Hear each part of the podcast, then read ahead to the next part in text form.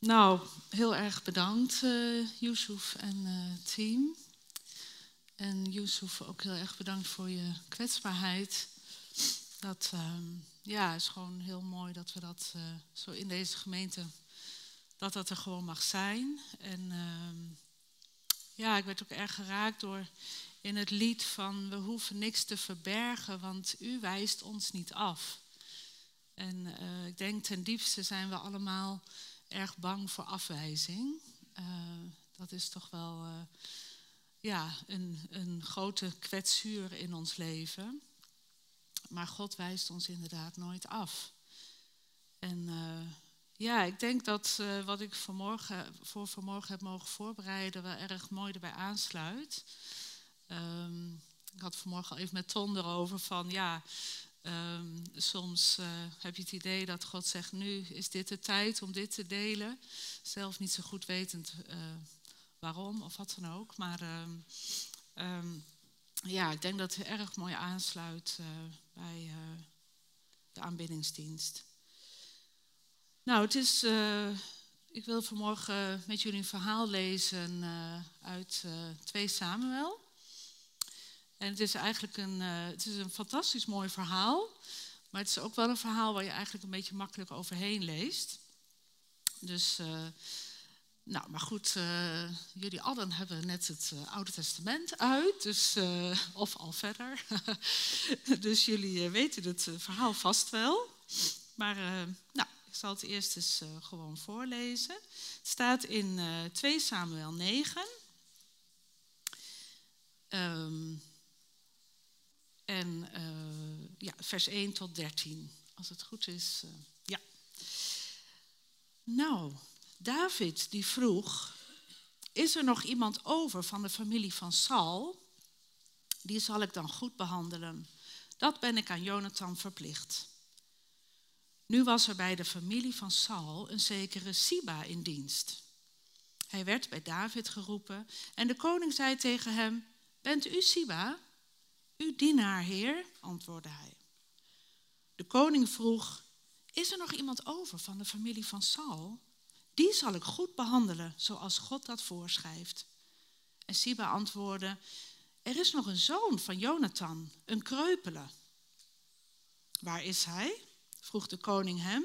En Siba antwoordde, hij verblijft in het huis van Machir, de zoon van Amiel in Lo-Debar. Koning David liet de zoon van Jonathan, de kleinzoon van Saul, ophalen uit het huis van Machir in Lodebar. Toen hij bij David kwam, knielde hij neer en boog diep voorover. Mephibozet? vroeg David. En hij antwoordde, ik ben uw dienaar, heer.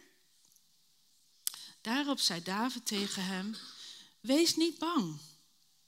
Ik verzeker u dat ik u goed zal behandelen. Dat ben ik aan uw vader Jonathan verplicht. Ik zal u het land van uw grootvader Saul teruggeven. En voortaan bent u aan mijn tafel te gast. Opnieuw boog Mephibozet en hij zei: Wie ben ik, heer, dat u zich bekommert om een dode hond als ik? Toen liet de koning Siba komen de dienaar van Saul, en zei tegen hem: Alles wat aan Saul en zijn familie behoorde, geef ik aan de kleinzoon van uw meester. U zult voor hem de grond bewerken, samen met uw zonen en knechten, en de opbrengst afdragen aan de kleinzoon van uw meester, zodat hij ervan kan leven. En Mephibozet, de kleinzoon van uw meester, is voortaan aan mijn tafel te gast. Siba antwoordde de koning. Zoals u beveelt, mijn heer en koning, het zal gebeuren. Zo werd Mephibozet aan het hof opgenomen en behandeld als een van de koningszonen. Hij had een zoontje dat Micha heette. Siba, die zelf vijftien zonen en twintig knechten had, was met alle leden van zijn huishouding in dienst bij Mephibozet. Mephibozet woonde in Jeruzalem en was opgenomen aan het hof. Hij was verlamd aan beide benen. Nou, dat is het verhaal. Um, dit is, ja, in een tijd, uh, een aantal jaar nadat koning Saul uh, is gedood. Um, een aantal jaar regeert het huis van Saul nog wel over Israël. Dat is zijn jongste zoon.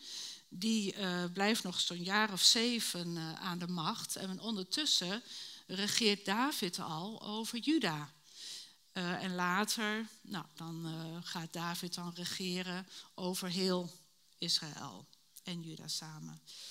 Um, Jonathan, Sauls oudste zoon, die is ook dood gegaan in de strijd.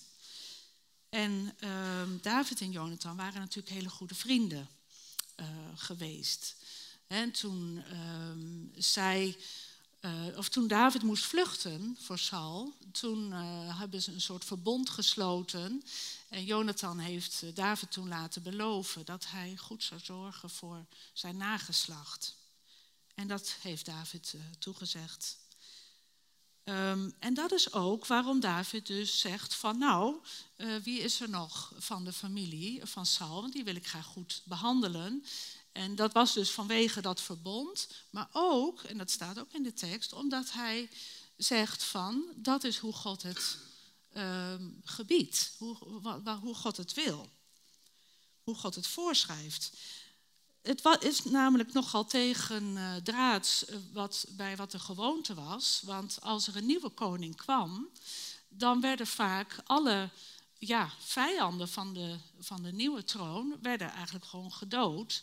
En dat waren onder andere de zonen en kleinzonen van de voorheen heersende koning. Want die zouden maar zo een koep kunnen plegen of wat dan ook.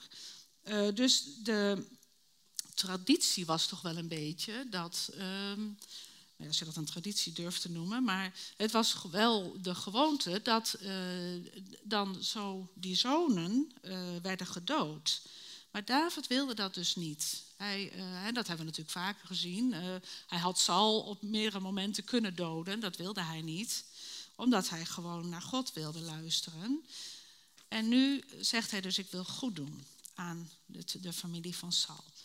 Nou, Mephibosheth, die. Ehm, uh, ik zit steeds even te denken, hoe spreek je dat nou precies uit? Waar ligt de klemtoon? maar uh, ik zeg maar gewoon Mephibosheth. In het Engels is het al helemaal niet uit te spreken, maar goed. um, die had tot nu toe nog niet heel veel geluk gehad in zijn leven. Zijn naam betekent hij die schande brengt. Nou, word je ook lekker mee gezegend. Maar hij was wel de troonopvolger. Hij werd geboren als troonopvolger. Hij was de kleinzoon van uh, de koning. En zijn vader was de oudste zoon. Um, maar goed, in een paar hoofdstukken voor dit verhaal lezen we wat voor een, ja, ongeluk hij kreeg. Want toen hij vijf jaar was, toen uh, kreeg degene die op hem paste, wordt niks over zijn moeder gezegd, maar zijn voedster, die kreeg te horen dat Saul en Jonathan waren gesneuveld in de strijd. Zij begreep direct van, dit kind is in gevaar, ik moet hem meenemen. Ze pakte hem op, ze vluchtte en in haar haast om weg te komen liet ze hem vallen. En op die manier raakte hij verlamd aan beide benen. Um, dat was dus een hele grote verandering in het leven van Mephibozet. In één dag raakte hij zijn vader, zijn opa kwijt. Um, was er geen toekomst meer voor hem in het koningshuis. En was hij verlamd, kreupel aan beide benen. Ja, dus het was niet zo heel veel geluk uh, eigenlijk. Um, David vraagt dus aan de dienaar van het huis van Saul of er nog familie over is. En Siba zegt dan, er is nog een zoon van Jonathan, een kreupele, zegt hij dan.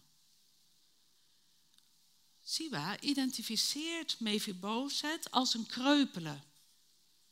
Die zegt eigenlijk van, ja, dat is die en die, die kreupel is.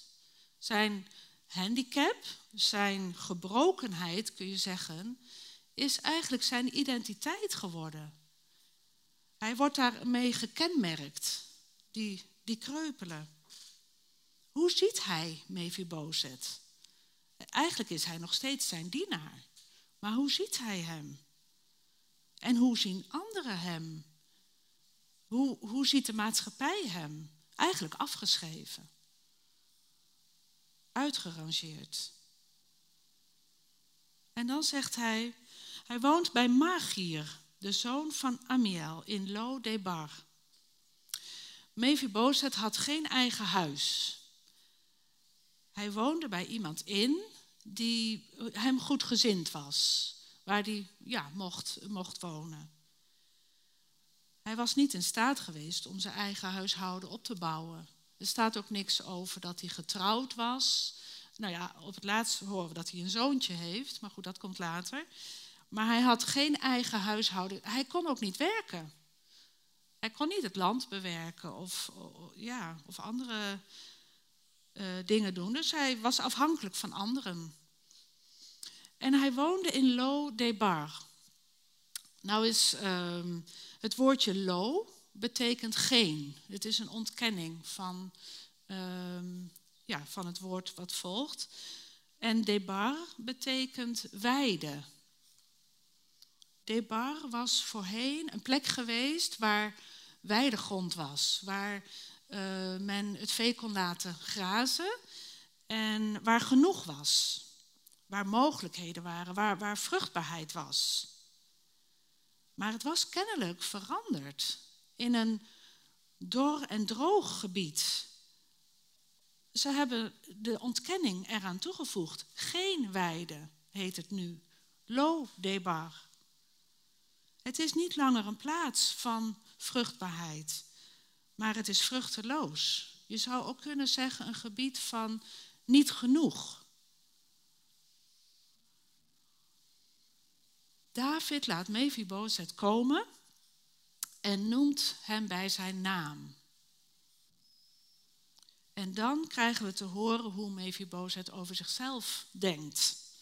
Hij laat zich op de knieën vallen hij kwam waarschijnlijk met stokken of wat dan ook. Maar hij laat zich op zijn knieën vallen en hij buigt diep voorover. En daarmee geen, hij maakte hij geen oogcontact met, met de koning. Hij gedroeg zich helemaal als een onderdanige dienaar. Hij acht zichzelf eigenlijk niet waardig om in de, in de ja, nabijheid van de koning te zijn. En later noemt hij zichzelf zelfs een dode hond. Nou, dat is wel echt het laagste van het laagste. Dat, dat is, uh, een, een hond had al helemaal geen betekenis in de maatschappij, laat staan een dode hond. Het was gewoon uh, ontzettend laag, uh, nederig van wie ben ik? Wie stel ik nou helemaal voor? Maar David die reageert met drie beloften. Hij zegt, nou, hij zegt sowieso wees niet bang. Um, dat is vrij herkenbaar, dat horen we wel eens vaker, uh, wordt wel eens vaker genoemd in de Bijbel. Wees niet bang. Maar dan zegt hij, één, ik zal u goed behandelen. Twee, ik zal het land van uw grootvader Saul aan u teruggeven.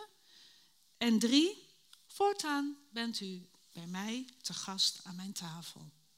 Drie beloften. Nou, die eerste belofte gaat over genade. In plaats van gedood te worden, omdat hij een gevaar voor de troon zou kunnen zijn, bewijst David hem goedheid. Dat hoefde David op zich niet te doen, um, gezien wat de verwachting was, maar dat deed hij wel. De tweede belofte gaat over herstel. Mephibozet had zelf niks meer. Hij had geen huis of land. Uh, hij was afhankelijk. Hij had alles verloren. Maar David geeft herstel. Hij geeft het land helemaal terug. En zelfs geeft hij personeel erbij. En die moeten de opbrengsten afdragen aan hem. Dus hij, hij geeft een enorme ja, rijkdom eigenlijk uh, terug. Um, en daarmee geeft hij ook een stuk identiteit terug en waardigheid. Mephibozet is nou weer eigenaar van een, van een land en hij, hij heeft een, een leven, hij heeft betekenis. Hij is de kleinzoon van de voormalige koning en niet zomaar een kreupele. Die derde belofte gaat over zekerheid. Naast dat hij dat land krijgt en de opbrengsten daarvan, personeel genoeg, ehm, wordt hij ook nog opgenomen aan het hof van de koning. Krijgt hij elke dag uh, royale maaltijden. Hij werd behandeld als was hij zelf een koningszoon. Nou, dat is wel een hele erge weer in zijn leven op één dag. Een enorme verandering. het, het, hij woont nu niet meer in Lodebar, in die uh, ja, onvruchtbare plek, maar hij woont in Jeruzalem. De stad van de vrede, de stad van de koning. Hij, um, hij heeft ook een zoontje, staat in de tekst, Micha, wiens naam betekent wie is als God. Nou, er staat niet bij of hij die zoon al had, er staat zoontje. Uh, ik zelf denk, maar dat is interpretatie, ik zelf denk dat hij um, dat zoontje pas heeft gekregen toen hij al in Jeruzalem woonde. En dat hij eigenlijk met die naam, met die zoon, wie is als God, dat hij die verwondering over wat God kan doen um, uit, tot uitdrukking uh, brengt. Nou, ik vind het zelf een prachtig verhaal. Het is uh, een verhaal van uh, zo'n 3000 jaar geleden. Maar het is eigenlijk nog steeds wel actueel. ik denk dat wij er heel veel in kunnen herkennen. Um, misschien ja, ook gewoon de vraag van wat is er in het verleden met ons gebeurd? Waardoor wij mank zijn geworden. Uh, welke dingen zijn er over ons leven uitgesproken? Die ons tot identiteit zijn geworden. Hoe zien mensen ons? Met welke mankheid, mankheid worden we geïdentificeerd? En vooral ook, hoe zien we onszelf? Emotioneel gezien kunnen wij ook in Lodebar wonen. In een vrucht, on, onvruchtbare plek. De plaats waar we misschien ervaren dat het niet goed genoeg is. Dat het niet genoeg is. En misschien waar we beroofd zijn van onze identiteit en onze waardigheid. Ook onze identiteit kan verweven zijn met een handicap of met een, uh, iets wat ja, vroeger is gebeurd of wat is, zo is gevormd. Um, of dat wij, ja, het kan ook zijn iets wat anderen over ons zeggen of iets wat wij zelf denken. Maar dat heeft eigenlijk hetzelfde effect. We blijven dan wonen in die dorre plaats. Nou wil ik graag um, een ander stuk uh, lezen in uh, Jesaja 25. En daar staat een hele mooie profetie eigenlijk over hoe God ons leven voor zich ziet.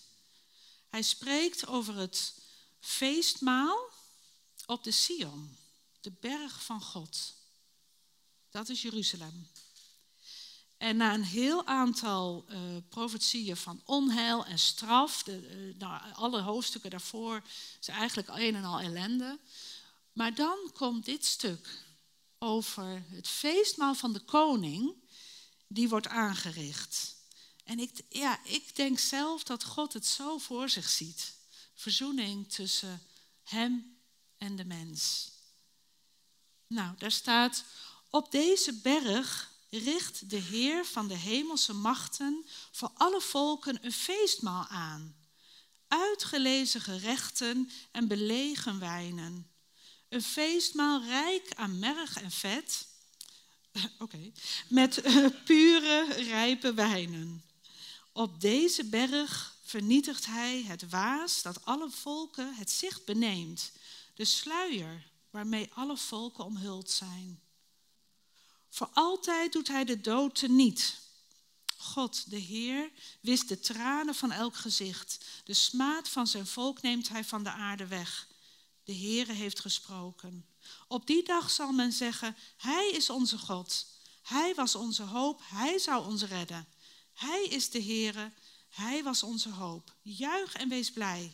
Hij heeft ons gered. Nou, ja, prachtig, die maaltijd zie ik zo voor me. Die uh, ja, prachtig gedekte tafels met, vol met uh, heerlijke gerechten en uh, heerlijke wijnen. Ja, ik ben zelf niet zo'n wijndrinker, maar vast uh, helemaal heerlijk. um, het doet ook een beetje denken natuurlijk aan ehm, de bruiloftsmaaltijd van het lam in openbaring 9. En, en daar staat van gelukkig zijn zij die uitgenodigd zijn voor het bruiloftsmaal van het lam. En ik denk dat dat is hoe God het zich voorstelt. En ieder die ingaat op zijn uitnodiging aan tafel, samen genietend van een heerlijke maaltijd. Een maaltijd is in, een, eh, in eigenlijk in alle culturen een uh, manier om mensen bij elkaar te brengen. Als je wat te vieren hebt, uh, hoort daar een maaltijd bij. Als we onze vriendschap willen benadrukken, dan nodigen we elkaar uit voor de maaltijd.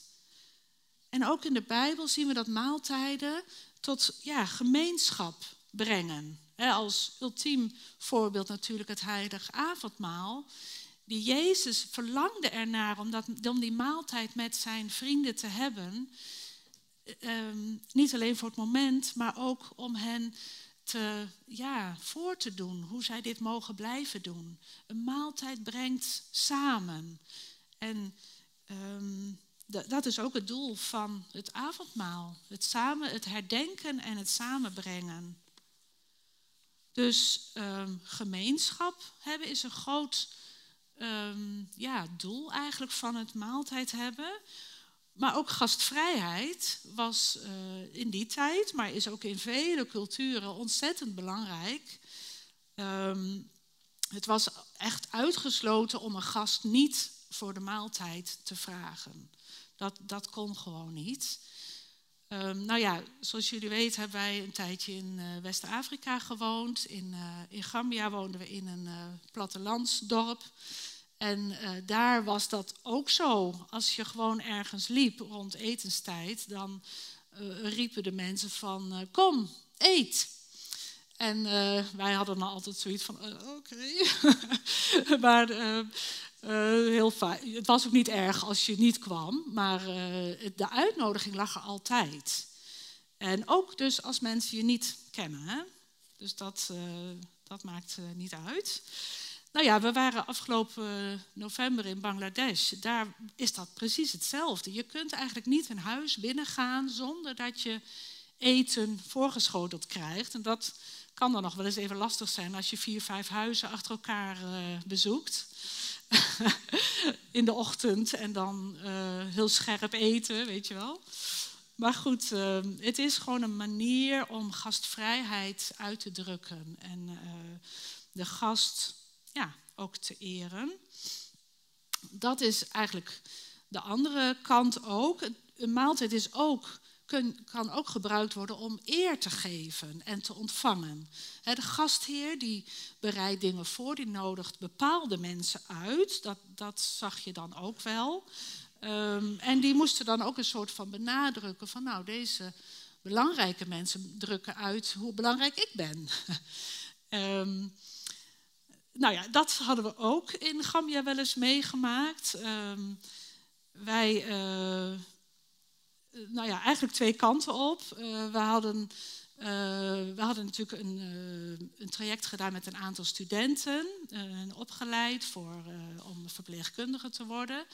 En toen wij eindelijk zover waren dat we de, de graduation konden vieren, de, het afstudeerfeest, Nou, moesten wij dat organiseren. Maar ja, dat is best wel cultureel gebeuren. Dus wij hadden gewoon, net zoals hier, stoelen neergezet. En uh, iedereen kon gewoon gaan zitten waar hij wilde. Maar nou, dat kon absoluut niet. Dus dat, gelukkig werden we gecorrigeerd. um, um, nee, er moesten luxe banken komen voorin. En daar konden dan hè, de, het hoofd van het dorp en de afgevaardigden van het ministerie van de gezondheidszorg, die moesten daar dan zitten. En weet ik veel wie allemaal nog meer. En de gewone mensen, die mochten daarachter zitten. dus dat, ehm, ja, dat, uh, zo werkt het voor ons natuurlijk niet. Maar dat, ja, dat is wel echt een ding. Ehm, de andere kant was inderdaad dat wij, uh, toen we nog maar net in het dorp woonden, toen ehm, werden we uitgenodigd bij mijn uh, taalhelpster thuis, heel arm gezin. Maar uh, zij wilde ons graag uitnodigen en wij gingen met uh, onze drie kinderen, die toen nog klein waren, tien en negen. En ik denk dat Davy vijf was of zo. Maar wij gingen daar naartoe en toen kwamen we daar. Toen hadden ze hele ja, luxe banken, had ze allemaal uit huis gesleept. Had ze nou in haar compound neergezet en daar moesten wij gaan zitten. En ze had ongeveer de hele buurt uitgenodigd en die mochten naar ons komen kijken. Dus het was echt zo, het was een hele leuke culturele ervaring, maar vooral heel erg ongemakkelijk. Vooral voor onze kinderen, denk ik. Maar, uh, maar goed, uh, ja, het is toch een beetje pronken met dan. Um, nou ja, dat zien we eigenlijk uh, in de Bijbel ook terug. De, de fariseeën deden dat eigenlijk ook. En Jezus die, die ging daarop in. Kijk, de, de eetcultuur daar was ook erg op gericht van uh, wie nodig ik uit en wat levert mij dat op. Um, Jezus spreekt de fariseeën daarop aan als hij, nou ja, in Lucas 14 was hij zelf uitgenodigd voor een maaltijd bij een van de fariseeën. En uh, dan heeft hij het ook over jezelf verhogen of verhoogd worden. En dat is een groot verschil. Um, en hij zei tegen hen: Wanneer u een maaltijd aanbiedt of een feestmaal geeft, vraag dan niet uw vrienden, uw broers, uw verwanten of rijke buren in de verwachting dat zij u op hun beurt zullen uitnodigen om iets terug te doen. Maar wanneer u mensen ontvangt, nodig dan armen, kreupelen, uh, verlamden en blinden uit. Dan zult u gelukkig zijn. En zij kunnen dan wel niks voor u terug doen, maar u zult ervoor worden beloond bij de opstanding van de rechtvaardigen. Nou, dat klinkt wel heel erg naar wat David ook deed. David nodigt een kreupele aan zijn koninklijke tafel uit de maaltijd is niet bedoeld om ja, jezelf te verhogen, maar om uh, samen te komen en je leven te delen. Nou, dat. Um, ja, en dan wil ik kijken inderdaad naar wat God ons nou aanbiedt. God nodigt ons ook uit. Als wij zijnde kreupelen, arm, verlamd en blind. Hij nodigt ons uit voor zijn maaltijd. En niet zomaar voor een boterhammetje, maar voor echt een uitgebreide, luxe maaltijd. Voor een maaltijd met uitgelezen gerechten en belegen wijnen. Het beste van het beste. Vijf sterren, op zijn minst. Geen verstand van sterren, maar. Um, en God geeft ons eigenlijk diezelfde drie beloften die David aan Mephibozet gaf. Hij zegt tegen ons: Ik zal je goed behandelen. Hij geeft ons genade. Genade, ook al hebben wij dat helemaal niet verdiend. De Bijbel zegt dat wij eigenlijk de dood, um, dat wij dood waren, maar dat uh, door Jezus offer betoont Hij ons zijn goedheid. Hij geeft ons ook die tweede belofte. Hij zal ons teruggeven wat ons ontnomen is. Herstel. Jezus herstelt wat er mis is gegaan in ons leven. En soms is dat niet een letterlijke oplossing. Van ik was letterlijk kreupel, nu ben ik niet meer kreupel. Maar hij herstelt in ons hart. Hij ehm, maakt dingen weer heel. Hij weet van onze tekortkomingen, van onze handicaps. En hij weet ook of dat alleen maar uitgesproken of gedacht is, of dat het ook echt waar is. We krijgen um, eigenlijk onze identiteit weer terug. Doordat Jezus ons herstelt in onze relatie met God. Zoals het was voor de zondeval. En dan ook God zegt tegen ons, voortaan ben je aan mijn tafel te gast. Zekerheid. We worden opgenomen aan het hof van Gods koninkrijk, alsof, ze, alsof we zijn zoon, dochter zijn. Dat heeft hij gezegd. Hij adopteert ons door Jezus offer, adopteert hij ons als zijn zonen en dochters. Hij houdt niets voor ons achter. We mogen aan alles deelnemen. Elke rijke maaltijd, uh, of elke dag een rijke maaltijd aan de tafel van de koning. En dat is niet iets wat straks gebeurt, dat, biedt hij ons nu aan. Nu. Nu wij um, verlost zijn door Jezus Christus, biedt hij ons die rijkdom aan. In Colossense 1 staat, hij heeft ons gered uit de macht van de duisternis en ons overgebracht naar het rijk van zijn geliefde zoon. God wil in gemeenschap met ons zijn. Hij wil met ons spreken en hij ziet ons als zijn geliefde kind. En wij mogen leren om te gaan leven als die geliefde, om het te ontvangen.